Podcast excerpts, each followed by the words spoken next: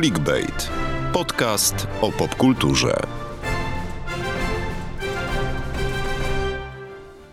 Halo, dzień dobry. Tu podcast Clickbait. 38 odcinek nagrywamy dzisiaj z Wami w dość niecodziennym i już prawdopodobnie ostatni raz w takim składzie. E, Jest ze mną w studiu Wirtualnej Polski w Gdańsku Karolina Stankiewicz, Cześć, witam. jest Marta Osowska. Cześć. Na chwilę wrócę do Karoliny jeszcze raz. Karolinę niektórzy kojarzycie, bo w kilku odcinkach się pojawiła. Ona była między innymi w naszym pierwszym, właściwie zerowym odcinku, który nagraliśmy w marcu ubiegłego roku. To był odcinek zerowy. Chcemy ją tutaj bardzo ładnie pożegnać. Będziemy jej śpiewać 100 lat, więc jak to, jak to nastąpi, to możecie przewijać, ale może jeszcze, może kiedyś wróci, natomiast zakładamy, że jej nie będzie, więc wywalamy ją w tej chwili oficjalnie z firmy. Tak jest, tak jest. Żegnam się z redakcją, co prawda na własne życzenie. E, ale tak, no to już ostatni raz, ale kto wie, może się jeszcze usłyszymy. Na pewno będzie Karolinie głośno, bo taką teraz robotę dostanie, że może namieszać sporo. Nie idę do polityki. nie, jednak nie. E, My nie będziemy rozmawiać cały, dzień, cały czas o Karolinie. Dzisiaj mamy trzy inne tematy, ale Karolina będzie tam się przewijała, będzie to oczywiście mówiła, bo ona ogląda tutaj dużo filmów, o których dzisiaj też filmów, programów i tak dalej. My też oglądamy z Martą, nie Marta? Marta też tu jesteś. Tak, tak. Ja całkiem sporo chyba wyrabiam normę filmową na całą naszą redakcję. Dobrze, to jak pójdzie Karolina, to będziesz jeszcze miała więcej, żeby tak się pojawić. E, Dzisiaj, dzisiaj będziemy mówić o trzech, trzech tematach. Mm, Nie było nas od miesiąc, miesiąc czasu, yy, ale też nie działo zbyt wiele, więc w sumie może nawet nie zauważyliście, że nas nie było przez ten miesiąc. Dzisiaj rozmawiamy o, o trzech produkcjach. Pierwsza z nich to taki serial dokumentalny Netflixa nazywający się Kontra Hard albo Depp V Hard. Herd, Herd, przepraszam, Herd. Nikt nie potrafi, całe życie mówię źle to jej nazwisko Amber. Myślę, że to przez start, ale to Tak, tak, tak. Ona jest Amber Heard, jak się dowiedziałem z tego, y, czyli o, co będziemy mówić o procesie jeszcze raz, ponieważ wyszedł taki dosyć niecodzienny dokument e, o procesie I Johnego to nie jeden Amber. dokument okazuje się. To nie jeden.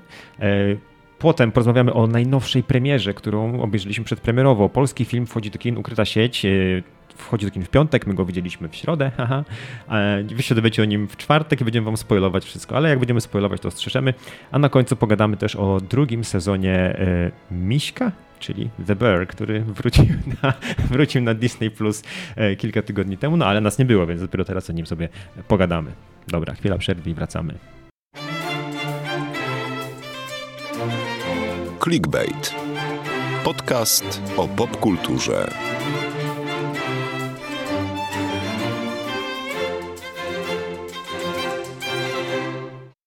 Mija 9 miesięcy, odkąd Johnny Depp i Amber Heard, jak już wiemy, zakończyli jakąś taką ugodą swój y, proces, który się toczył przez y, dłuższy czas w stanie Virginia w- w Stanach Zjednoczonych. Gdzie ugodą? Tak, bo to, to, to był, był wyrok na, na Johnego. Był, był, był wyrok, w którym podano, że Johnny, y, zasądzono Johnnemu 15 baniek, z których miało mu wypłacić Amber, ale jako, że w Virginii jest takie prawo, że maksymalna kara za y, taki, w tego typu procesie o, o oszczerstwa i tak dalej wynosi 10 baniek, a potem ostatecznie w grudniu oni y, podpisali settlement i w jakiś sposób się to bo tam jeszcze była rozwiązała. inna sytuacja, mianowicie Amber też wygrała w sumie, bo zasądzono, że Johnny ma jej zapłacić Mhm. 2 miliony czy 3 za e, zniesławienie bodajże i to w ogóle było strasznie pokręcone. Każdy przegrał, każdy wygrał. Nie, ja już naprawdę nie łapałam się pod koniec o co w tym chodzi i kto tak naprawdę tutaj jest przegranym, a kto wygranym. I teoretycznie w rozsądzeniu tego, kto wygrał, a kto przegrał, powinien nam pomóc dokument, który zrealizowało Channel 4, e, brytyjski. E, w Channel 4 w takim jakby koprodukcji z Netflixem, bo Netflix po trzech miesiącach od premiery e, w Wielkiej Brytanii, która była w maju, wypuścił wreszcie na świat, e, czyli na wszystkich innych krajach, w których jest dostępny, e, ten dokument, czyli e, Depp v. Heard, Depp kontra e, Heard. E, No właśnie. I czym ten dokument się różni? Bo tak naprawdę od momentu, kiedy ten proces powstał, ja naliczyłem chyba z pięć czy z sześć różnych prób przynajmniej przedstawienia tego, plus dziesiątki, tam setki w ogóle jakichś takich, wiecie, domorosłych, kręconych na YouTubie i tak dalej, e, filmów dokumentalnych. Czym on się różni? Marta, ty, ty widziałaś chyba pierwsza, bo z tego co pamiętam. Tak. e, To znaczy, różni się znacznie tym, że każdy mógł śledzić transmisję całego procesu w internecie. Powstały setki, tysiące, może już miliony artykułów na ten temat, wycinków, co było e, w trakcie zeznań. A net, ta produkcja e, Channel 4 Netflixa skupia się na tym, że ta walka już była z góry przegrana przez to, jaki był oddźwięk w mediach społecznościowych.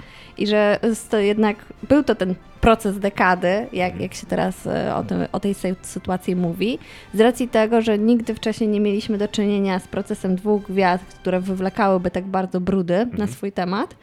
E, no i widać, jak był nierówny podział głosów i jakby wsparcia.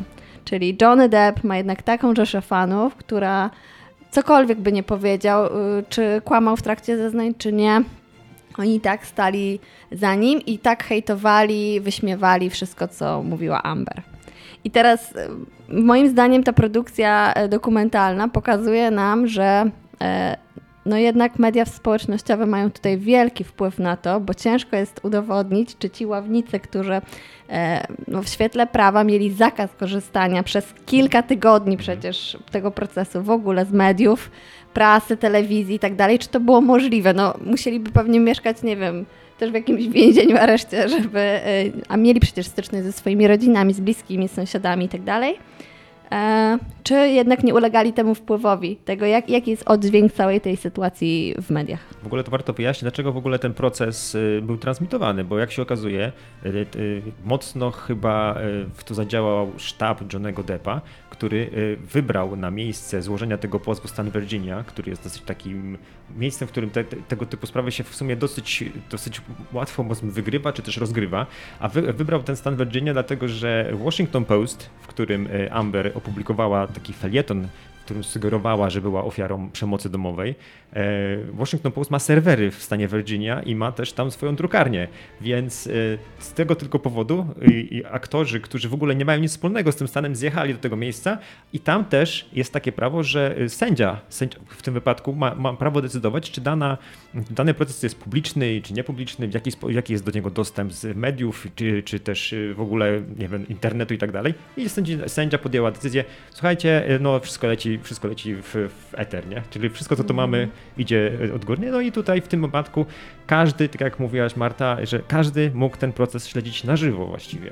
I to, co się działo wokół tego procesu, właśnie też trochę pokazuje bardziej to, co się działo wokół tego procesu, niż, niż, niż sam proces, nie? Bo to jest dosyć dziwne. To ja oglądając to miałem, byłem zaskoczony, jak jak właściwie to nie wiem, czy to było nawet smaczne, czy niesmaczne, ale jak właśnie jak dużo pokazywali tych youtuberów, bo to się nie dało tego w sumie momentami oglądać. No właśnie, bo ja też miałem takie poczucie, że ten, no trochę jest męczący ten serial dla mnie, Netflixa. Nie wiem, czy to przez to, że ten temat już po prostu maglowaliśmy na wszystkie możliwe strony i jestem nim trochę zmęczona, czy właśnie dlatego, że y, ciągle oglądamy jakieś tam, y, nie wiem, wymysły tych youtuberów, czy też ich teorie na temat tego, czy Amber się uśmiechnęła krzywo, czy prosto, czy kłamie, czy nie kłamie, to naprawdę było no, wręcz niesmaczne, y, ale też y, faktycznie mam wrażenie, że, y, że ten serial pokazuje, że tak naprawdę tutaj wygranymi są właśnie ci youtuberzy, którzy zarobili jakieś miliony na tym, że oczerniali Amber, ponieważ słyszymy też, że odbiorcy właśnie tego oczekiwali, że to Amber tutaj hmm. będzie tą złą a Johnny Depp tym dobrym. Generalnie ci youtuberzy byli strasznie irytujący. Nie wiem, w taki sposób ich dobrali, że tam nie było nikogo, kto wyglądałby na Tak wygląda zdrowego. YouTube,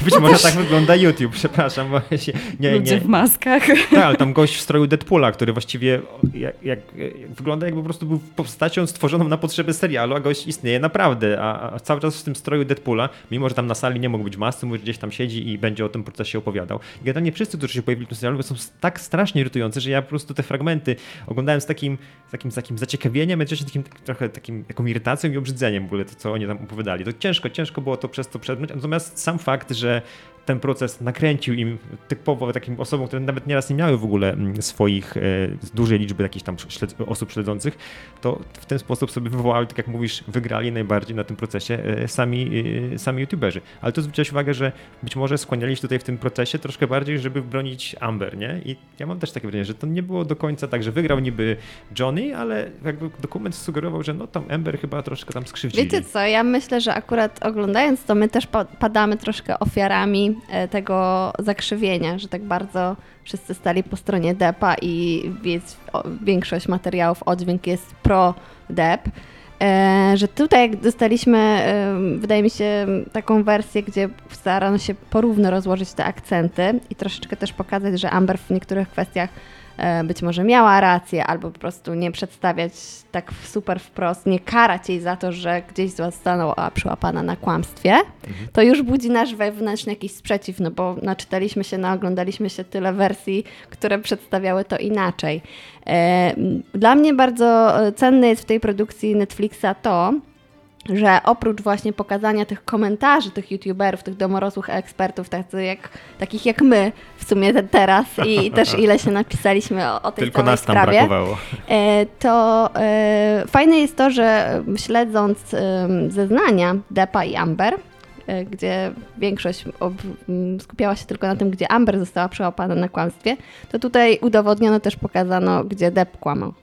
Albo... I to jest fajne, że nie poddajemy tego jakby opinii jakichś sobie ekspertów, tylko jest zaraz wyciągany urywek w poprzedniej sprawie sądowej w Wielkiej Brytanii, która się toczyła, Depp mówił inaczej.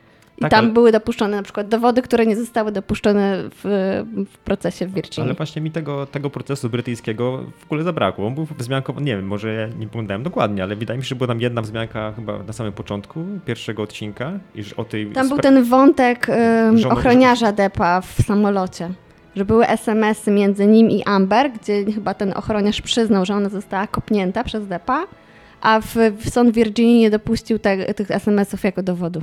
No, no coś takiego, no ale generalnie to jest dziwne, że w tym dokument, dokument w ogóle Channel 4, czyli stacji brytyjskiej, tak mało tego procesu w sumie przypomniał, bo tam to jest w ogóle dziwne dla wszystkich, którzy są świadkami tego, tego, tego procesu, że w Wielkiej Brytanii jakby Depp przegrał rozprawę z tabloidem, bo to był The Sun, którym opublikowano materiał. określenia żonobijca. Tak, o żonobijce, natomiast tutaj jakby wyrok jest zupełnie dwustronny, tutaj, tutaj Depp wygrywa i Dlatego tak bardzo się właśnie różni.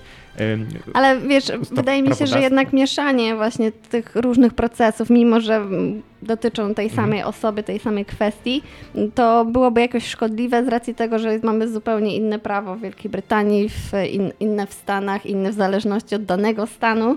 E, I jakbyśmy chcieli, to tutaj jest jakaś mała próba nawiązania i pokazania tego, ale gdyby tak e, prześledzić każdy proces z osobna i zestawić w jednej produkcji, to myślę, że to by było za trudne do przyjęcia i do zrozumienia dla takiego przeciętnego widza. No tak, w sumie racja. Natomiast jeszcze tak, to tak naprawdę w tym procesie wygrał niby Depp, tak, powiedzmy, że wygrał, potem było, jak wspomniałem, była tam jakaś ugoda między nimi, ale tak naprawdę czy wy kogokolwiek z tej dwójki jeszcze lubicie, Karolina?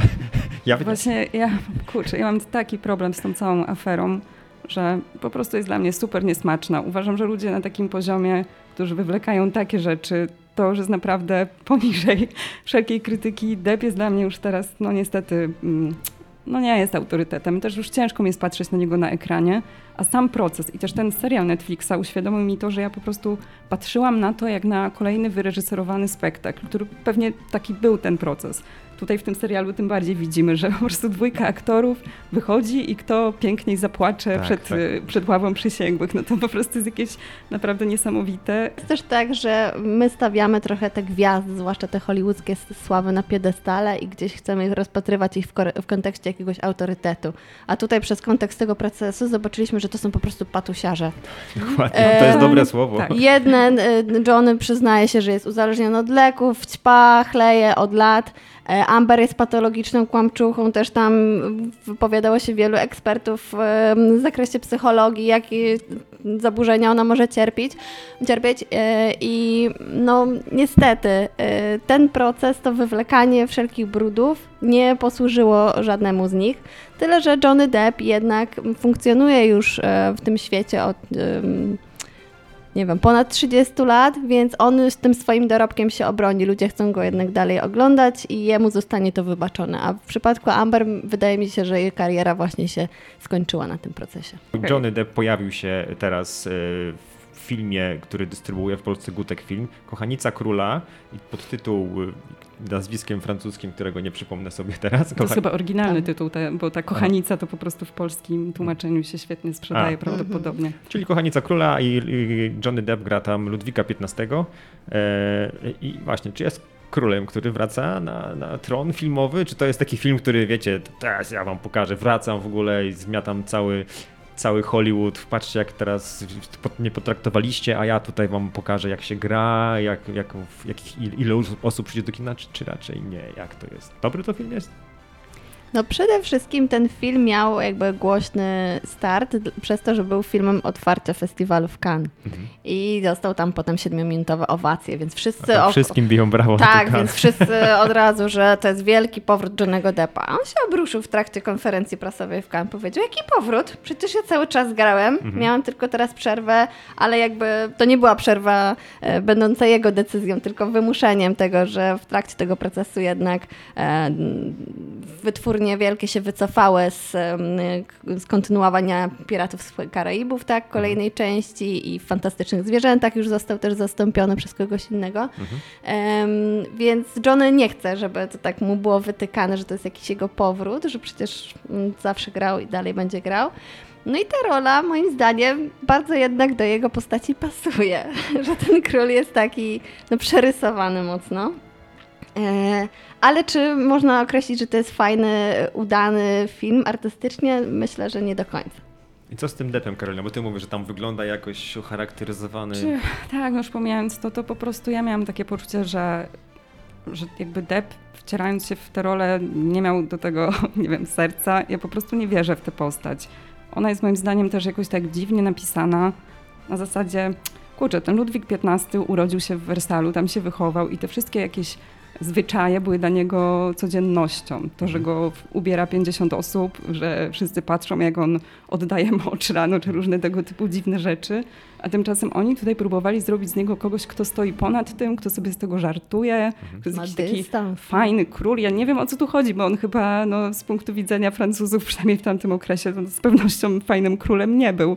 E, no i, no i tak się zastanawiam, czy tutaj to było takie, e, taka próba wybielenia postaci, czy raczej Johnego Deppa, żeby jednak był tym fajnym bohaterem. Raczej też po prostu był postacią drugiego planu w no tym filmie, tak. bo ta kochanica tytułowa jednak e, to jest film o niej i tutaj w tej głównej roli mamy i też reżyserkę i scenarzystkę tego filmu mhm. i no widać, że tam jest wielkie ego, więc ten Depp był taką no trochę zabawką kolorową, żeby było w jego twarz na plakacie.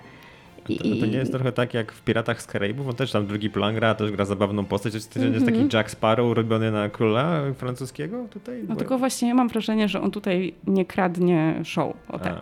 Czyli czekamy na kolejne wielkie produkcje, że Johnny Depp będzie miał szansę na odbicie tego Hollywood. Ja nie czekam szczerze ja mówiąc na produkcję. Czekam, ja w sumie mam w nosie karierę Deppa, tak. ale jeszcze wracając do tego filmu Kochanica Króla, to mam też takie poczucie, że on niewiele y, nowego wnosi. W sensie jestem całkiem na świeżo po obejrzeniu Marii Antoniny Sofii Kopoli. Też mm -hmm. może nie do końca udany film, może nie wszystkim się podoba, ale to był też film, który właśnie się skupiał głównie na tych takich y, zwyczajach Wersalu, co tam się działo przed tą rewolucją francuską.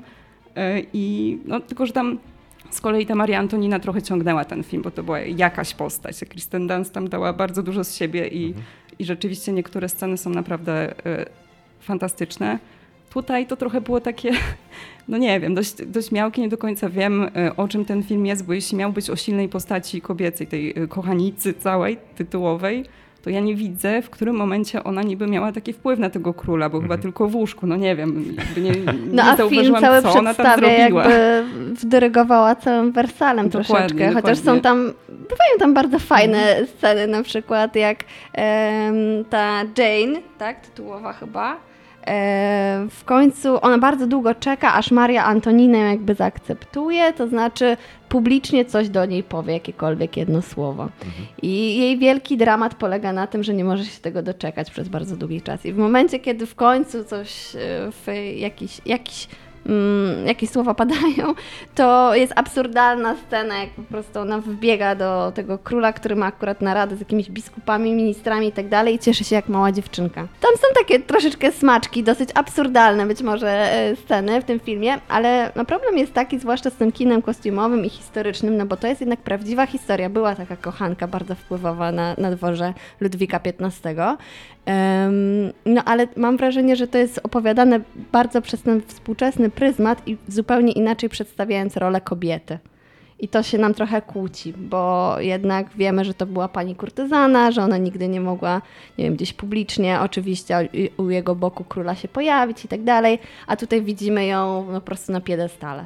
A ja, jeśli kogoś zainteresuje jednak ta historia Jane, to jednak zachęcam do powrotu do Marii Antoniny Kopoli, bo tam ta postać jest zupełnie inaczej przedstawiona, jako taka osoba, którą wszyscy wyśmiewają, taka naprawdę rubaszna baba z, gdzieś tam z nizin społecznych, która na tym dworze nie wiadomo co robi tak naprawdę, czy wiadomo co robi e, i to też jest przedmiotem żartów i ona żadnej mody tam w Marii Antoninę przynajmniej nie dyktowała, tylko, A no właśnie. tylko właśnie to Maria Antonina była tą ikoną mody i stylu, a nie jakaś Jane DiBari.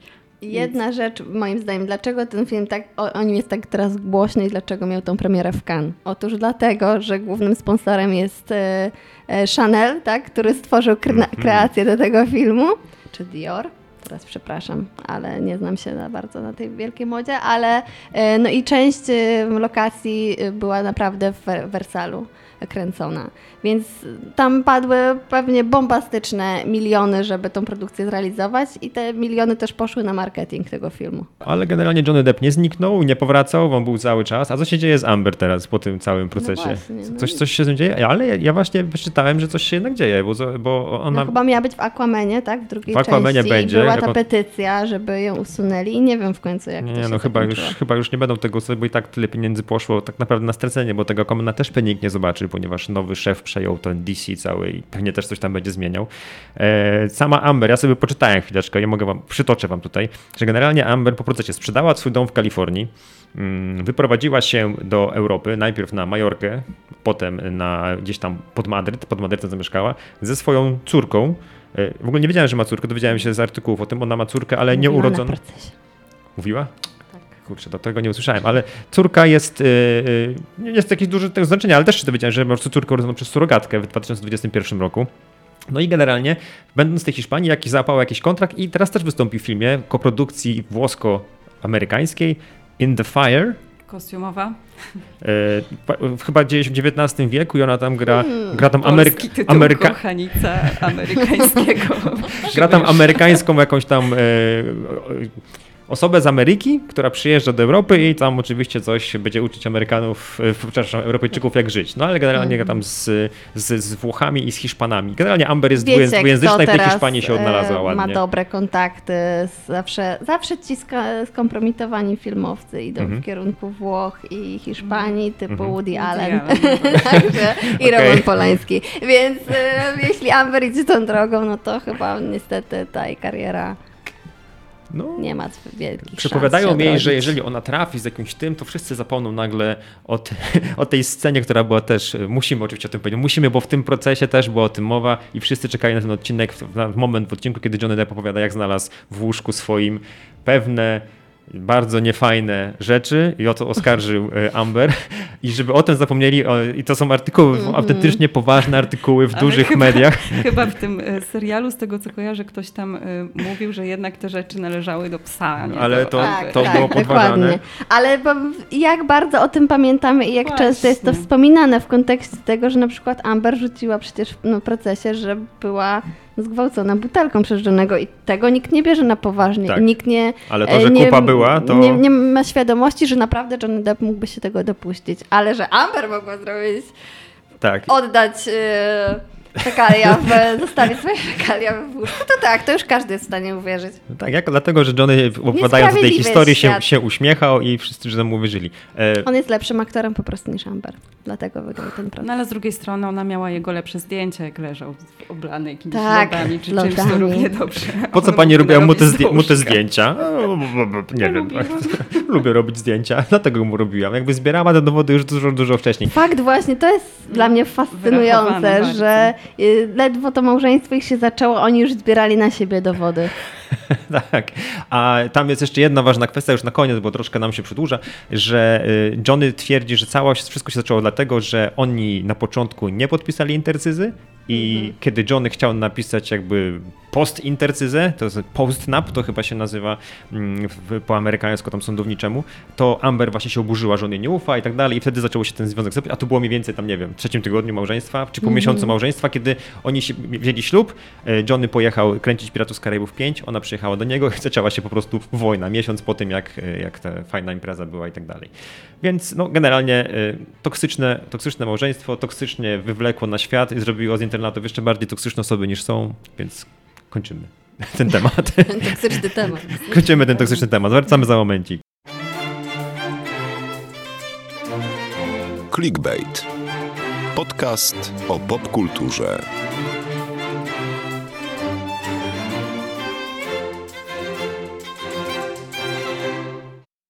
W piątek, 1 września, do, na ekrany polskich kin trafi polski film Ukryta sieć e, z Magdaleną Koleśnik, Andrzejem Sewerynem i Piotrem Trojanem w rolach głównych. Taki film, który, o którym wiemy, że jest kryminałem na podstawie książki, e, w którym jest tajemnicza historia, jakiegoś tam powiedzmy troszkę śledztwa, jest, mamy tutaj jakieś takie wątki dosyć mocno powiedzmy kryminalno-obyczajowe. E, czy, czy taki film ma szansę zawojować kina? Bo jak sobie popatrzyłem na mm, wykaz box office, czyli najlepiej zarabiających filmów w Polsce z ubiegłego, z ubiegłego roku, to na czele były, nie były to produkcje tak kryminalne, czy też jakieś takie mocno zahaczające jakieś bardzo ważne, czy też drażniące kwestie, bo listy do M, drugim, drugim najpopularniejszym filmem w Polsce w ogóle w zeszłym roku, listy do M5, miało półtora miliona prawie e, widzów. Później był Johnny, film o księdzu, e, i później był Koniec Świata, czyli Koger Moger 4 i później była jeszcze Ania, czyli o Ani Przybylskiej chyba. Biograficzna albo komedia. No takie coś takiego. Więc to są filmy, które takie idą na te, na te filmy, idą ludzie, żeby po prostu się powiedzmy, nie wiem, dobrze pobawić albo poznać coś ciekawego. Czy będą chcieli pójść na kryminał na podstawie książki?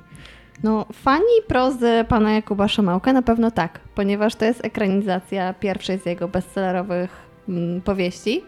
E, więc, a no, fakt jest taki, że to kino gatunkowe w Polsce moim zdaniem nigdy się nie cieszy popularnością, więc ciężko tutaj przewidzieć jakiś sukces taki komercyjny. E, aczkolwiek fakt, że gdzieś w tej jednej z, z głównych ról mamy Andrzeja Seweryna, mamy jakichś rozpoznawalnych aktorów, no zawsze raczej e, jest takim czynnikiem zachęcającym. Plus, no właśnie, jeśli ktoś zna książkę, to myślę, że będzie zainteresowany e, obejrzeniem filmów, tak jak ja byłam po, po lekturze. No i niestety mm, troszkę jestem rozczarowana, dlatego że scenariusz filmu znacznie się różni od książki. Ale różni się na niekorzyść, czy po prostu być może mimo tych zmian jest to wciąż dobry scenariusz filmowy? Bo, bo ja powiem szczerze, ja powiem tak, mam nadzieję, że e, słuchają nas tutaj osoby z, e, z Monolitu, które udostępniły nam seans wcześniej. Ja spodziewałem się, że film będzie bardzo słaby. Przepraszam was bardzo, bo ja w kino polskie w sumie mało poważam. Natomiast moim zdaniem jest przyzwoity, ale nie znam w ogóle materiału źródłowego. Moim zdaniem on się broni. Jako taka zamknięta historia, no w sumie nie do końca zamknięta, bo mamy otwarte troszkę zakończenie. On jako taki, jako polska produkcja jest naprawdę całkiem niezły. No nie spodziewałem się, że będzie taki dobry. A ty mówisz, Marta, że to jest no, jednak coś... powiedzmy, że jest ok. Dla mnie to jest przeciętne, dlatego że miałam wyższe oczekiwania, znając oryginał. E, I te niektóre wątki, na przykład pracy w redakcji takiego tabloidowego serwisu. O tym sobie pogadamy zaraz e, jeszcze. Czy wątku cyberbezpieczeństwa, no bo główna bohaterka została schakowana, to one tak, dla moim zdaniem, filmy gdzieś zostały potraktowane po macoszemu. Liczyłam, że to będzie bardziej rozwinięte. No właśnie, właśnie mówię, porozmawiamy za chwilę, a to jest właśnie dla mnie jeden z najciekawszych i troszkę, i troszkę taki, takie, takie sprawdzenie tego, jak to się odbija, takie praca, pokazana na ekranie praca w w jakiejś internetowej gazecie, czy też magazynie, czy też... Nie jak u nas przecież. No, no tak, portal, portal Mega, Mega Newsy się nazywa, dosyć oryginalna nazwa. Myślę, że bardzo chcieli, chciano tą nazwą pokazać, że to chodzi o, o, serwis, który nie do końca jest tak maksymalnie poważny, tylko właśnie uderza w takie tabloidowe tony. E, mamy tam serwis Mega Newsy, e, którego e, redaktorka naczelna ciśnie po tej e, e, bohaterce graną przez panią Koleśnik, żeby to zdobyła materiał m, mm, będący wywiadem z żoną niedawno zmarłego tam, e, przepraszam, niedawno no, w sumie zmarłego, bo zginął w wypadku samochodowym, y, prezentera w programach y, y, dziecięcych. Zanim do tego przejdziemy, do tego wątku, to właśnie, na ile ta praca pokazana na ekranie różni się od tego, co my mamy na co dzień? Może powie Karolina, która kończy pracę z mediami. No, e... Więc może powiedzieć szczerze. Może mówić szczerze i nie, nic nie, nie zrobimy. Szczerze, tylko że ja, e, ja też znam e, powieść e, Jakuba Szamałka. W zasadzie to dwie części e, do tej pory udało mi się przesłuchać, więc e, ja, jako no, no fanka tej powieści gatunkowej jednak skądinąd naprawdę na poziomie, byłam zaskoczona właśnie tym, że praca w redakcji w książce Jakuba Szamałka jest naprawdę oddana bardzo wiarygodnie, mhm. tak jak to wygląda na co dzień. Czyli nie, nie zobaczymy tutaj dziennikarzy ubranych w ciuchy od Gucci'ego, Prady, czy tam w kolorach, biegających od kawki do kawki, po mieście i tylko, nie wiem, szukających tematu na jakichś imprezach e, i, i intryg snujących, no bo tak nie wygląda nasza praca. My po prostu przychodzimy do pracy codziennie. W krótkich spodenkach. Zasuwamy, e, jak chyba każdy. O świcie, a nie o 12 w każdym filmie. Że redakcji się zaczyna o 12. No to nie jest prawda. Nie przychodzimy na kacu czy tam pijani do pracy, tylko od rana do wieczora w zasadzie mamy zmiany i no, musimy pracować jak każdy normalny człowiek i też rzeczywiście bywa to praca żmudna e, i niekoniecznie interesująca zawsze. E, bywa, ale nie zawsze. A w filmach to zawsze wygląda tak, że dziennikarz ma po prostu super życie, niemalże żyje jak celebryta i każdy jest jakoś rozpoznawalny no i, i, wkręca się w to towarzystwo gwiazd. No niesamowite historie. W ogóle prostu. tak mi się skojarzyło, kiedy ja ostatnio widziałam w jakimś filmie pracę redakcji i, i przyszło mi na myśl, że w Pokusie przecież że, z Heleną no tak, Englert, tak, tak. która tak. jest jako laska z ulicy, wchodzi do redakcji, dostaje się na staż, od razu dostaje wywiad z największym gwiazdorem i zostaje wielce cenioną autorką. I tak bywa przedstawiona właśnie. Ach, no i właśnie, bo jeden wywiad tygodniowo się robi, tam nic więcej nie trzeba przecież jakby w tych filmach. tak. To... Ona tak zachowuje się jakby była troszkę zdziwiona, albo że chciałaby coś zrobić, a tak szefowa ją ciśnie cały czas, tak jak mhm. mówicie, przez tydzień. Ona nic nie robi, tylko tam być może uda mi się zrobić ten wywiad. Chciałbym mieć taką pracę. Jest taka przekonana, że jej się to uda, gdzie chyba raczej jako widzowie mamy świadomość, że ona gdzieś zaklina rzeczywistość i obiecuje coś tej szefowej, nie mając pojęcia, czy to będzie realne do osiągnięcia. Jednak najbardziej zabawną sceną w filmie to wszyscy, którzy pracują w mediach internetowych, będzie scena, w której e, jakiś materiał na temat, e, na temat e, śmierci tego prezentera telewizyjnego z programów dla dzieci, tam się bardzo szybko na takim ekranie winduje jako materiał, który super kliki zbiera i cała redakcja wstaje tam praktycznie i biją mi tak. brawo, kiwają głowami, ja pokazują się pytam, kciukami. gdzie jest taki ekran naszej redakcji? Kiedyś, kiedyś był, kiedyś, kiedyś był, przyznaję, tak, natomiast nikt nie bił brawo, bo już wtedy uznamy się to za cringe'owe, mm. ale scena w tym filmie po prostu jest wspaniała, to było taki, e, e, jakby ten ekran, który kiedyś wisiał w, w redakcji, e, właśnie do tego mimo służyć, że będziemy sobie... No ale, ale jednak chwaliłeś ostatnio Karolinę, która zrobiła bajkę jednym tekstem z koncertu Tak, Dawida oczywiście. Podsiadło. Tak, tekst Dawidzie Podsiadło, ponad milion już dwieście będzie miał. Takie cichutkie, tak, biłem, biłem, brawo, wysłałem gratulacje. E, był taki pomysł, zresztą kiedyś w redakcji na temat chyba coś takiego było stosowane, że był tam jakiś taki dzwonek w redakcji na temat, gdzie się uderzy, ten dzwonem się biło, kiedy jakiś temat robił tego, więc być może jest to wzorowane na, na tym, co kiedyś na temat pokazywa, pokazywało w swoich mega newsach. Natomiast e, no, jest to dosyć karykaturalne, e, ale nie, no, nie wiem, dość zabawnie karykaturalne. Nie tak, żeby po prostu się brzydzę tym, co oglądałem, ale... Ale to malutki element tak naprawdę ktoś niezaznajomiony z życiem redakcji, nie zwracający uwagi na to, że w ogóle ta bohaterka jest dziennikarką, e, to... Mogło tego w sumie nie być, że ona jest dziennikarką.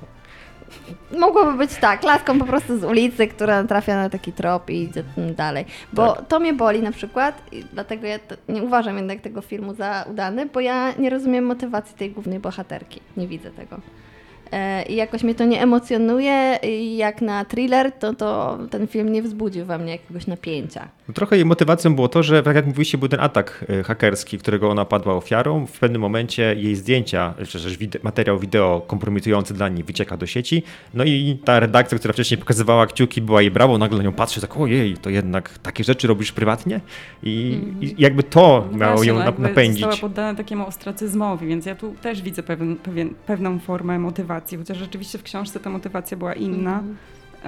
Lepiej zbudowana. Tak, ona miała takie ten... dziennikarskie zacięcie. Tam rzeczywiście była dziennikarką i pisała króciaki, newsy i nie tylko jakieś wywiady. A, tylko a tu wygląda trochę tak, jak ten haker do niej pisze, zostaw tę sprawę. Sugerował nie jej, zostawię. ja nie zostawię, nie, nie, hakerze, nie zostawię tej sprawy. Właśnie nie widać tych emocji za bardzo, to, to mnie trochę boli że tak jest, zblazowana jest ta dziennikarka. Tajemnice, to wydać już zwiastunie, e, że coś, coś, coś się niedobrego dzieje, coś, co jakaś, jest jakaś taka ukryta sieć. To dokładnie znaczy, że dziennikarz zostaje schakowany i nie wiadomo dlaczego. Um, jakby ginie ten prezenter telewizyjny programów dla dzieci, ale dlaczego akurat programów dla dzieci? To co się musiało z tym dziać? Coś tutaj próbują nam już zwiastunie pokazać, że będzie coś się działo wokół, wokół tego samego filmu. No i jakby nie chcielibyśmy wam zdradzać zakończenia zakończenia, czy też y, jakby punktu kulminacyjnego, co jest jakby taką, co jest jakby clue tego całego filmu. Natomiast w filmie są bardzo mocne, sugestywne sceny i to musimy ostrzec dla osoby, które y, jakby nie są przyzwyczajone do niektórych tematów, powiedzmy, mocno dotykających, na przykład przemocowych, przemocowych związanych między innymi z nieletnimi, to moim zdaniem powinny uważać, ponieważ znajduje się tam taka kilkusekundowa sekwencja, na której ja oglądając poczytałem oczy ze zdumienia, że można było pokazać w filmie tak bardzo sugestywne sceny. Czy one w filmie takie sceny są potrzebne, żeby pokazać? Czy, czy to jest po prostu domena polskiej produkcji, że wiecie, no w polskich filmach to się można rozbierać, więc można też i pokazywać e, tego typu akcje. No wiesz, nie sądzę, żeby y, polskie filmy tak łatwo sobie szafowały takimi mocnymi scenami. Raczej jak już teraz to sobie pomyślałam, kiedy ostatnio mogłam widzieć taką przemoc wobec dzieci, to chyba w filmach Wegi? E, więc, Dobre porównanie. E, ale tutaj nie chcemy porównywać z ukrytą siecią, jakby jest inny poziom, ale myślę, że akurat dla tej fabuły e, no było zasadne i to nie jest też mocne apatowanie, tak jak wspomniałeś, to jest tam kilka sekund w jednej scenie, niż e, umknie, tak. coś, co właśnie ale ma potem, nas bardzo szokować i ma nas obrzydzić. Ale potem jest też opis jakby zachowania, którego ktoś mm. się tam dopuszcza i ten opis jest taki, że jak ktoś ma wyobraźnię, a sporo osób ma, to po prostu może być przerażony tym, co bada w ogóle z ekranu. Moim zdaniem bardzo, bardzo mocne. Jak na w ogóle kino, które oglądają, Ale, to jest dość mocne. Kurczę, no właśnie ja uważam, że to akurat ma swoje uzasadnienie, bo jakby cały temat y, książki Szamałka i też tego filmu oczywiście, bo to się łączy, y, toczy się wokół naprawdę bardzo mrocznej sfery naszego życia. Mhm. Do której my jakby teoretycznie nie mamy dostępu, ale ona gdzieś tam jest bardzo blisko, bo wszyscy działamy w internecie, mhm. wszyscy używamy go na co dzień, no prawie wszyscy, bo nie wiem ile procent Polaków nie ma dostępu, 20 parę, no nieważne, w każdym razie większość ludzi pracujących ale, ma dostęp Ale kto by chciał, to by miał tak naprawdę internet w e, Polsce. I tak naprawdę ten darknet, o którym tutaj mówimy, e, też jest tam obecny i bardzo łatwo w zasadzie tam trafić, a tam już są, są takie treści, które no mogą być triggerujące, ale uważam, że na przykład osoby, które mają dzieci, powinny się tym zainteresować, bo dzieci niestety też mają do tego dostęp i po prostu warto wiedzieć, y, czy przypadkiem nie trafiają na takie strony, więc y, myślę, że nie można odwracać od tego oczu i udawać, że takie coś nie istnieje. A tak naprawdę ta książka Szamałka to jest chyba pierwsza, z jaką ja miałam do czynienia, na pewno w Polsce, y, pierwsze, pierwsze dzieło popkultury w ogóle, które taki temat porusza, mhm. co jest dosyć niebywałe, no bo przecież dlaczego tak mało wiemy o internecie, który jest y, w zasadzie naszym drugim, czy też równoległym, czy też w zasadzie takim samym życiem y, jak y, realne życie, no nie? Więc, więc naprawdę myślę, że tutaj nie ma przesady, ta scena jest uzasadniona, ja bym, no jest mocna rzeczywiście, ale nie odwracałabym od tego oczu i myślę, że to też jest po coś właśnie w, tym, w, tej, w tej akurat historii. Ja tylko tak widzów ostrzegam, wiadomo, że oczu nie zamykałem, ale, ale no mówię, na pewno będziecie zaskoczeni, że można było w filmie pokazać po, po tego, typu, y, tego typu rzecz. W ogóle film jest też dość niestandardowy, bo przynajmniej ja, ja się z tym spotkałem, że on ma dosyć otwarte zakończenie, ale w taki sposób jakby reżyserka i główna aktorka trochę gra z widzami i to też jest scena, która pojawia się już w zwiastunie. W pewnym momencie główna bohaterka, siedząc przy komputerze, nagle patrzy w kamerę jakby czeka na to, co my byśmy zrobili na jej miejscu. I, i no, ja się jakby to, to, się, to się dzieje gdzieś tam powiedzmy w, w dalszej części filmu, i, ale troszkę mi to wybiło w ogóle, jakby z całej tej historii, że ja oglądam, oglądam film, który jest teoretycznie fikcją i nagle ta bohaterka na mnie patrzy. I w ogóle w polskich filmach takie łamanie czwartej ściany, czyli patrzenie w kamerę to jest częste, bo ja, ja sobie nie przypominam, w amerykańskich nie, takich nie.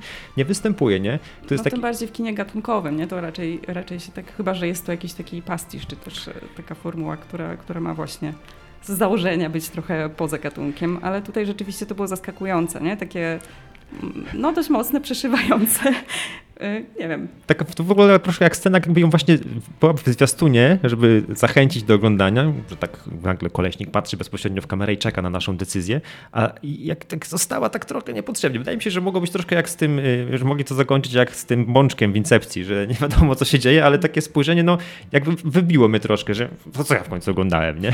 I grają ze mną tym filmem, czy nie grają, czy, czy tego, ale właśnie, bo to sugeruje, że jest dalszy ciąg. I czy ten dalszy ciąg książkowy tej historii, którą mamy w filmie y, jest faktycznie warty też ekranizacji, czy, czy tak naprawdę e, autor e, skupił się na tym, że, e, że jakby że, że wszystko, co miał najlepszego, to zrobił w pierwszej książce? Jak to wygląda? No nie, on tam eksploruje kolejne mhm. odmęty Darknetu. Co prawda mamy do czynienia z, w drugiej części przynajmniej z inną sprawą, mhm. ale wciąż mamy bohaterkę Julitę, czyli graną przez koleśnik w filmie. Mhm. Pojawiają się też inne postacie poboczne, które jej pomagają. Oczywiście roz, poruszać się po tym internecie, bo no faktycznie w filmie tego może nie pokazano tak e, dokładnie, ale ona kiedy w, e, wchodzi w cały temat cyberbezpieczeństwa po tym ataku hakerskim w książce, to zwraca się o pomoc do, do w sumie to nie ma, jest jakimś tam programistą chyba ten chłopak, mhm. zwraca się o pomoc, żeby po prostu być bezpieczną w sieci. Jest bardzo dużo na ten temat. Książka wręcz się, edukacyjna. No trochę tak, tak. dlatego szkoda, tylko, że w filmie no, tego nie pokazano. Tylko, że nie jest to wiedza taka, która jest na, w nadmiarze nam podana, tylko dosyć y, ciekawie. No i skłania w sumie do przemyślenia swojego zachowania trochę w internecie, bo to rzeczywiście jest niebezpieczne miejsce. W ogóle w tym filmie ten, ta, ten chłopak, który pomaga, e, on, to, to, jest jedna z lepszych takich momentów, bo okazuje się, on ma na imię Janek, ale jak go zobaczycie na ekranie, to nie, jakiego Janka nie przypomina za bardzo, mm. więc bardzo fajnie została dobrana ta postać i powiem szczerze, że jak były sceny z tym chłopakiem, y, zobaczcie dlaczego jest zaskakujący, nie będę zdradzał tutaj, y, ale faktycznie jak się pojawił, tak, tak, mm, zresztą taką piękną polszczyzną operował w ogóle, ogóle. E, był takim, myślałem, że w ogóle będzie jakiś, jakiś związek między nimi, że to się trochę, trochę tego może, nie wiem, zabrakło w tym filmie. W książce było. W książce było, no tak, to już wiemy, że w książce było. Tutaj jakby miało być, ale ostatecznie nie było, ale... E, ale być może mamy kolejne części przed sobą, no więc to też... No to, czyli no będą, tak? Y, y, warto dodać, że tutaj współscenarzystą filmu jest pan Szamałek, jest autor, który mhm. widocznie zgodził się na pójście na takie skróty Zgodził i zmiany się, znaczy- znaczące wątków, bo dla mnie bardzo szokująca jest postać grana przez Andrzeja Seweryna, ponieważ jej nie ma w książce. Nie ma prawda. E, więc e, to jak, jak jest poprowadzony, a jest to bardzo istotny bohater w filmie mhm. e, i, i gra kluczową rolę w finale, to jestem bardzo ciekawa, jak to zostanie rozwiązane przy kolejnym filmie. Czy jednak zobaczymy jakąś bezpośrednią mhm. kontynuację, czy tak jak wspomniała Karolina, no bo druga książka już dotyczy zupełnie innej historii, mm -hmm, z tą -hmm. samą bohaterką. Wydaje mi się, że w tym przypadku fajnie by było jakoś to kontynuować. Ale zresztą Andrzej Seweryn, y, bo, bo w książce mówiliście mi przed podcastem, jest postać jakiegoś wykładowcy, który coś tam mąci, czy jak tak to nazwać. E, natomiast tu mamy Andrzeja Seweryna, który gra ojca, ale właściwie to Seweryn by pasował do roli, mi się wydaje, jakiegoś takiego wykładowcy, nie? Czy, czy nie bardzo? Czy, czy książka... Pewnie tak, tylko ja mam takie poczucie, że mi się akurat podoba ten twist, bo on jest taki bardzo filmowy i domyka wszystkie jakby wątki wszystkich postaci, które się pojawiają mhm. w tym filmie, że tam nie ma osób satelit, tylko właśnie to wszystko zostaje w rodzinie, że tak powiem. No właśnie, przez to być może jest bardziej przerażające. To, tak, jest okay. to bardziej chyba dojmująca jeszcze historia, ale rzeczywiście ja zrobiłam wywiad z Jakubem Szamałkiem, który no, zresztą mm -hmm. zapowiem, ukaże się 1 września. Czyli w momencie, jak ciebie już tu nie będzie. nie, nie będzie. E, ale zachęcam do czytania, bo e, tak, e, Szamałek tłumaczył mi, że, że on nie chciał, żeby twardo się trzymać tej historii, bo jego zdaniem to by wyszło tak, że mamy dużo scen ludzi, którzy siedzą przed komputerami i coś tam sobie pokazują, bo tam mhm. rzeczywiście na tym ta akcja głównie polega w książce. No, na ekranie nie wyglądałoby to pewnie zbyt atrakcyjnie, stąd y, te zmiany. Y, no ale też tak jak mówię, mi się po prostu podoba to, że te postacie zostały domknięte i one nie są takie tak nie powiązane ze sobą, tylko, tylko bardzo tworzą spójną tutaj y, sieć i wspólny świat. Właśnie, sieć. Sieć, sieć, sieć, sieć. E, czy ja, powiem szczerze, że ja obejrzę drugą część, to w ogóle, że będę czekał na polskie kino, jak, jeżeli powstanie, także trzymamy kciuki za dobry wynik, e, przynajmniej taki jak miał, nie wiem, Ania na przykład miała tam 700 tysięcy, co mówiliśmy na początku. E, ja czekam, no mówię, ja byłem zaskoczony, także jak osoba, która nie lubi polskiego kina i nagle zobaczy taki film, może powiedzieć, o kurczę, no jednak coś tam czasem można w Polsce nakręcić. Podkreślać ten element, że jak coś jest polskim filmem, to od razu musi być po prostu jakieś gorsze. No niestety, ja niestety, niestety jestem taką... lat. To jest moje Bardzo przekonanie sprzed kilkunastu lat wciąż. Warto właśnie się tak nie ograniczać Bardzo i nie myśleć dużo się pozmieniało, jedno, ale ja jednocześnie mam takie poczucie, że polski widz ma wyższe oczekiwania co do polskich produkcji. Być może chodzi o ten język polski, że wypada nam to bardziej naturalnie, nam się ogląda filmy po angielsku, które nam mhm. łatwiej jest przyjąć.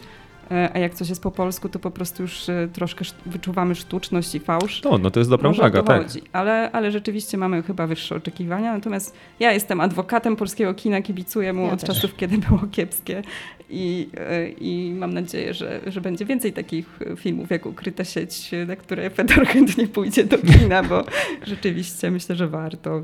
Chociaż Marta nie jest zadowolona do końca, ale ten segment nie był sponsorowany przez dystrybutora, producenta filmu, także powiedzieliśmy wszystko sobie ładnie wam i szczerze, ale myślę, że idźcie i zobaczcie, a jak nie, no to za 3-4 miesiące będzie w jakimś serwisie streamingowym i też będzie warto na niego spojrzeć.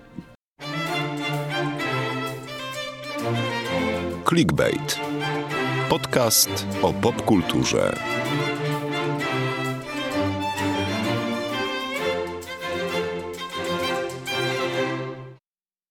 Właśnie, wrócił e, tak zwany misiek. Nie wiem, ja pierwszy, pierwszy słyszę. Poczytałem, chciałem. pojęcia, Posługujesz się tytułem z filmu webu, którego nikt nie używa. Nikt nie używa tytułu z filmu, mówię o serialu The Bear, czyli. No, nie, no, krótko mówiąc, no misiek, no misiek. Oficjalnie nawet nie, nie wpisujcie tego chyba nawet w. niedźwiedź. Nie, nie, to jest misiek. Wpisujcie tego tytułu w- na Disneyu, wpisujcie po prostu po angielsku BR, y, żeby znaleźć y, mm, serial, o którym tu chwilkę chyba tutaj mówiliśmy, natomiast y, wtedy próbowała przekonać mnie do tego serialu Basia, który dzisiaj z nami nie ma, a mówiąc, że to jest to jest serial, który może cię zabić. Ja myślę, o, o, o. I o czym jest ten serial? Ten serial jest o gotowaniu, tak? O, o na pewno mnie zabije. Zacząłem go oglądać y, i zaczęło oglądać wiele osób w naszej redakcji y, i wiele osób w redakcji zostało fanami. Między innymi ten serial y, i drugi sezon, który się pojawił do, dam kilka tygodni temu, też jest ponoć jakiś super rewelacyjny. Odcinki trwają tylko 25 minut i w ogóle wszystko wygląda na to, że ja powinienem siąść i obejrzeć to w dwa wieczory. Tymczasem męczę się od roku. Powinieneś, tak, No powinieneś. wciąż nie wiemy, co jest z nim nie tak. No właśnie, powiedzcie mi, co jest w nim takiego tak, a nie nie tak, e, bo mm, ja na tym serialu nudzę się i na nim po prostu odpadam, bo jest to serial zwyczajnie o, ja mam za wypisane, kroją, gotują, smażą i pitolą. No właśnie nie. To jest serial wygląda na to, że ty nie umiesz oglądać seriali, bo to w ogóle nie jest serial o gotowaniu i o tej kuchni. Ona jest tam tłem wydarzeń. To jest bardzo psychologiczny serial. Dobrze, ale ci powiem teraz tak, jakich wydarzeń? Ponieważ ja jestem na odcinku piątym pierwszego sezonu i głównym wydarzeniem tego odcinka było to, że y, z kibla wyleciała kupa. I śmierdzi w lokalu. I to No jest, to jest cały, tak. cały odcinek jest o tym, że, oni... Dobrze, dawaj. Pierwszy sezon jest o rozkładzie, o rozpadzie, Mhm. dlatego że główny bohater Karmi przejmuje knajpę po swoim bracie, który popełnił samobójstwo. Mhm. On sobie z tym nie radzi, cała ekipa sobie z tym nie radzi. Widać, jacy oni są niezgrani w tej kuchni, bo przeżywają właśnie jakąś traumę. Są w jakimś stanie żałoby, a nie pozwalają sobie dopuścić się do tego stanu, nie potrafią o tym rozmawiać. Mhm. Więc tam wszystko im leci z rąk, na łeb, na szyję i tak dalej. Mhm. Drugi sezon jest o tym, że oni jednak pod koniec tego pierwszego sezonu już jakoś nawiązują tą nić poro- porozumienia. Możecie spoilować, także... Stwierdzają, że chcą razem e, pracować, ale że potrzebują jakiegoś nowego rozdziału. Mhm. Więc ta knajpa The Beef kończy swój żywot i mają w planie otworzyć nową restaurację. I cały drugi sezon jest o wielomiesięcznych przygotowaniach do otwarcia nowej knajpy z tym samym składem pracowników. Czyli już tam nie kroją, nie gotują, tylko Tak. się przygotowują. I już trochę nie ma tej kroją, takiej... trochę gotują jednak. trochę ale gotują, no. Ładniejsze jedzenie. Ale dla mnie na przykład fancy. to gotowanie w ogóle jest nieistotne w tym serialu. A co jest istotne? No bo Relacje międzyludzkie. Relacje międzyludzkie jest bardzo takim pojęciem dosyć szerokim. To co, bardziej się tam biją, bo jest ten kuzyn. Najważniejszą postacią w ogóle serialu jest kuzyn, Mhm. którego moja żona nienawidzi, po prostu nie, nie On lubi. jest nie do zniesienia w pierwszym sezonie. jest nie do zniesienia, możesz- a ja uwielbiam tę Och. postać. Jest postacią, która coś w ogóle wnosi do tego serialu. Jakoś takie, jakieś takie ożywienie, a nie pitolenie, krojenie i smażenie. On jest głupi, on jest y, dealerem, tak? E, On jest y, no, nie, jakby niezrównoważony momentami i tą postać się super ogląda moim zdaniem. Jak on się pojawia, ja jestem zadowolony, coś się dzieje w serialu. A jak niego nie ma, no to no, mówię, to, coś, to, to są cztery rzeczy, które się dzieją w tym filmie. Gadanie, krojenie, smażenie i gotowanie. Mm, No, nieprawda, ja jednak skłaniam się ku wypowiedzi Marty, że to jest film o relacjach, ale to, co mnie urzeka, że to nie jest o relacjach romantycznych, tylko to jest o relacjach z przyjaciółmi, z, ze swoimi wspólnikami, z rodzeństwem, z, ze swoimi pracownikami, których masz, jednak Karmi ma pod sobą, odpowiada za, za kilka osób, którym na tej pracy w jakiś sposób zależy. I te wszystkie relacje są no, mocno napięte. Tam jest sporo niedopowiedzianych rzeczy, sporo rzeczy, gdzieś jakiś trupów z szafy dosłownie wypada i, e, i mam wrażenie, że tam po prostu co odcinek to coś, e, coś nowego e, się dzieje, czegoś nowego się dowiadujemy o tym, co się wydarzyło w przeszłości albo tym, co się, co się nie wiem, po kolei dzieje z tymi postaciami, bo jednak oni idą do przodu cały czas. Mhm. To nie jest tak, że się taplają w tej przeszłości.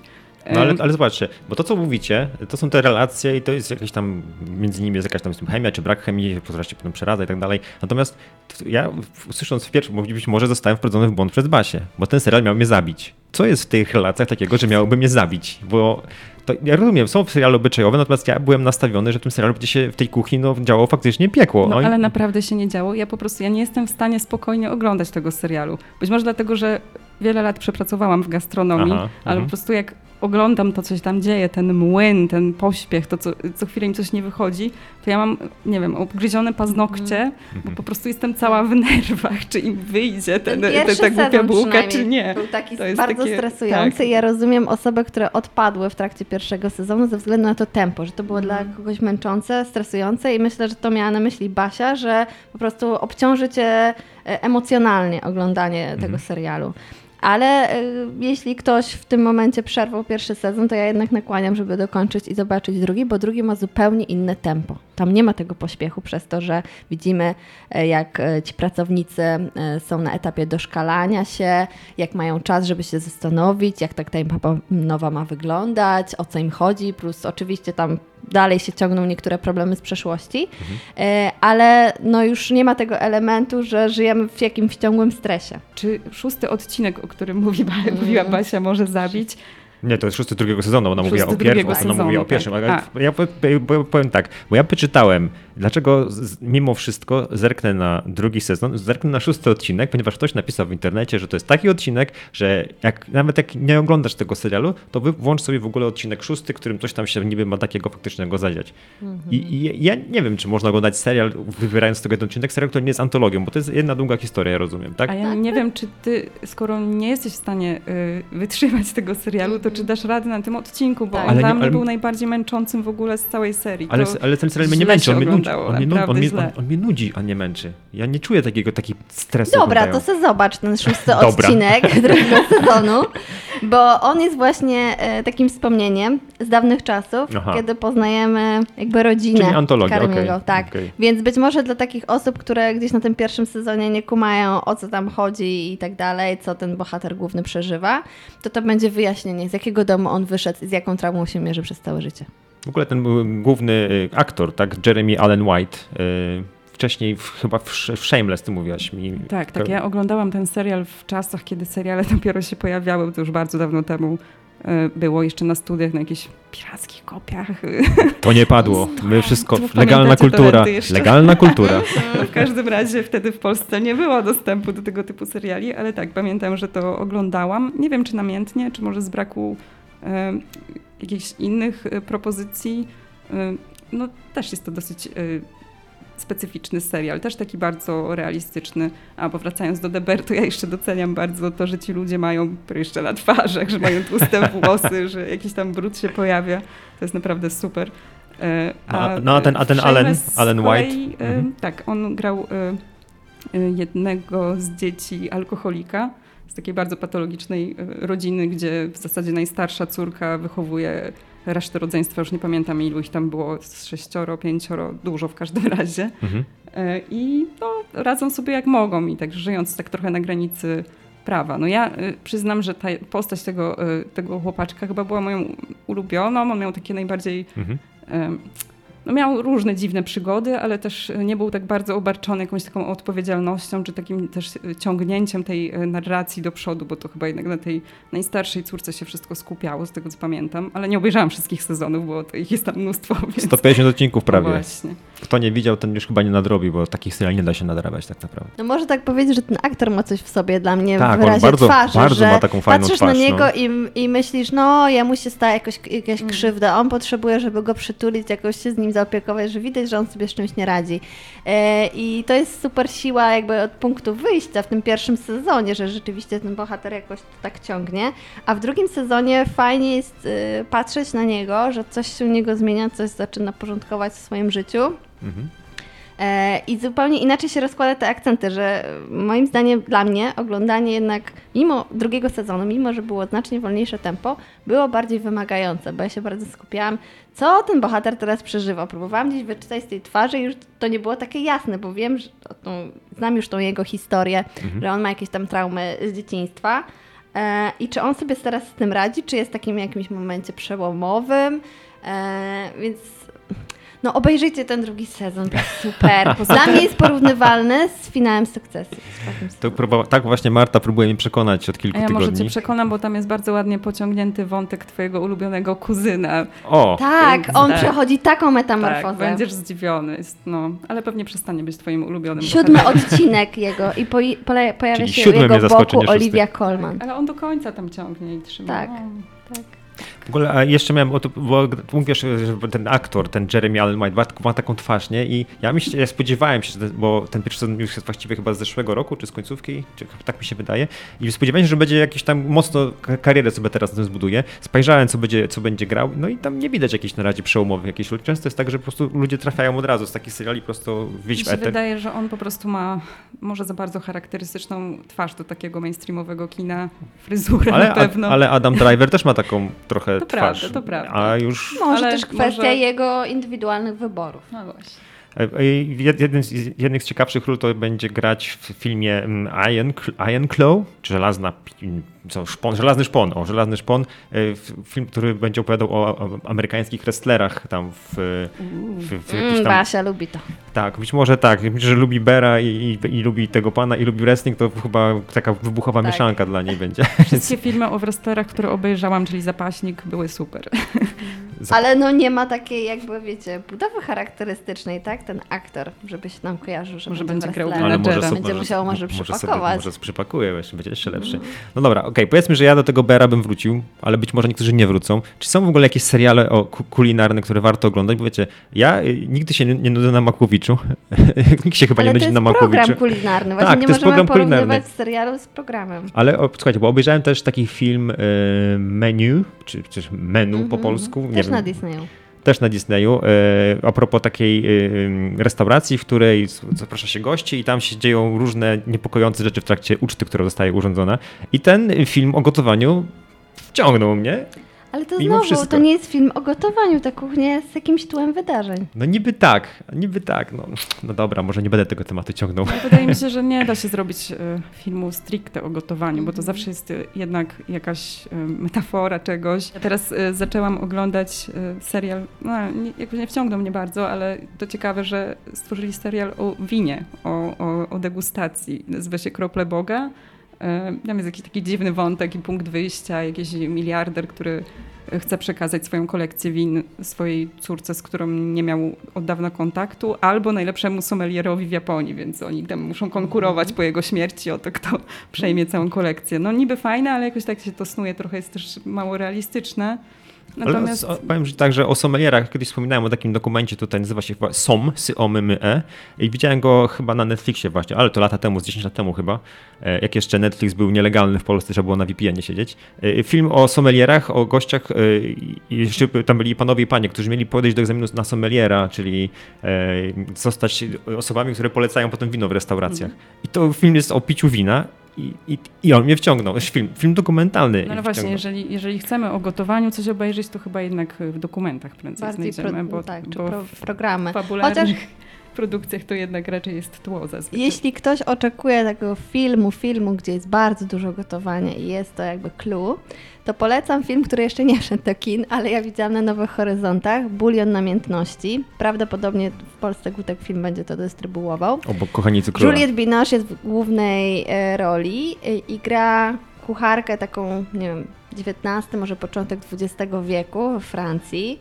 której wiecie, cały dzień gotuje, ale gotuje wybitnie, ponieważ gotuje dla swojego gospodarza, który jest krytykiem kulinarnym. Mhm. E, I to ich jedzenie, ich wspólne przygotowywanie jest jakby odzwierciedleniem ich emocji, że tam nie ma za dużo dialogów, że tam to jest po prostu romans, ten film, ale ten cały romans się odbywa przez gotowanie. To, jaką oni przykładają wagę do tego, żeby to było piękne, pyszne i tak dalej. Kończymy na dziś. E, był, była, e, był, był to 38 odcinek clickbaitu. E, czy, czy o Berze pogadamy w przyszłym sezonie? Pewnie tak, pewnie będzie, skoro ten drugi odcinek tak sukces pewnie będzie też trzeci. Nie pogadamy już z Karoliną, także Karolina, tutaj wszyscy Ci bardzo, bardzo dziękujemy. Dziękuję bardzo również. Ale być może Cię złapiemy jeszcze na festiwalu. Zobacz, no nie, nie, nigdy nie jest tak, że żegnamy się na zawsze, ale żegnamy się już na dzisiaj. Cześć, trzymaj się. Do usłyszenia. Cześć Marta, Ciebie Cześć. też żegnę. A my się słyszymy za dwa tygodnie, tam gdzie zawsze. Y, Google Podcast, Apple Podcast. Już z Gdyni, bo zaczyna się festiwal w Gdyni i postaramy się Was nie zanudzić polskimi produkcjami. tak jak... Na pewno nie zanudzić.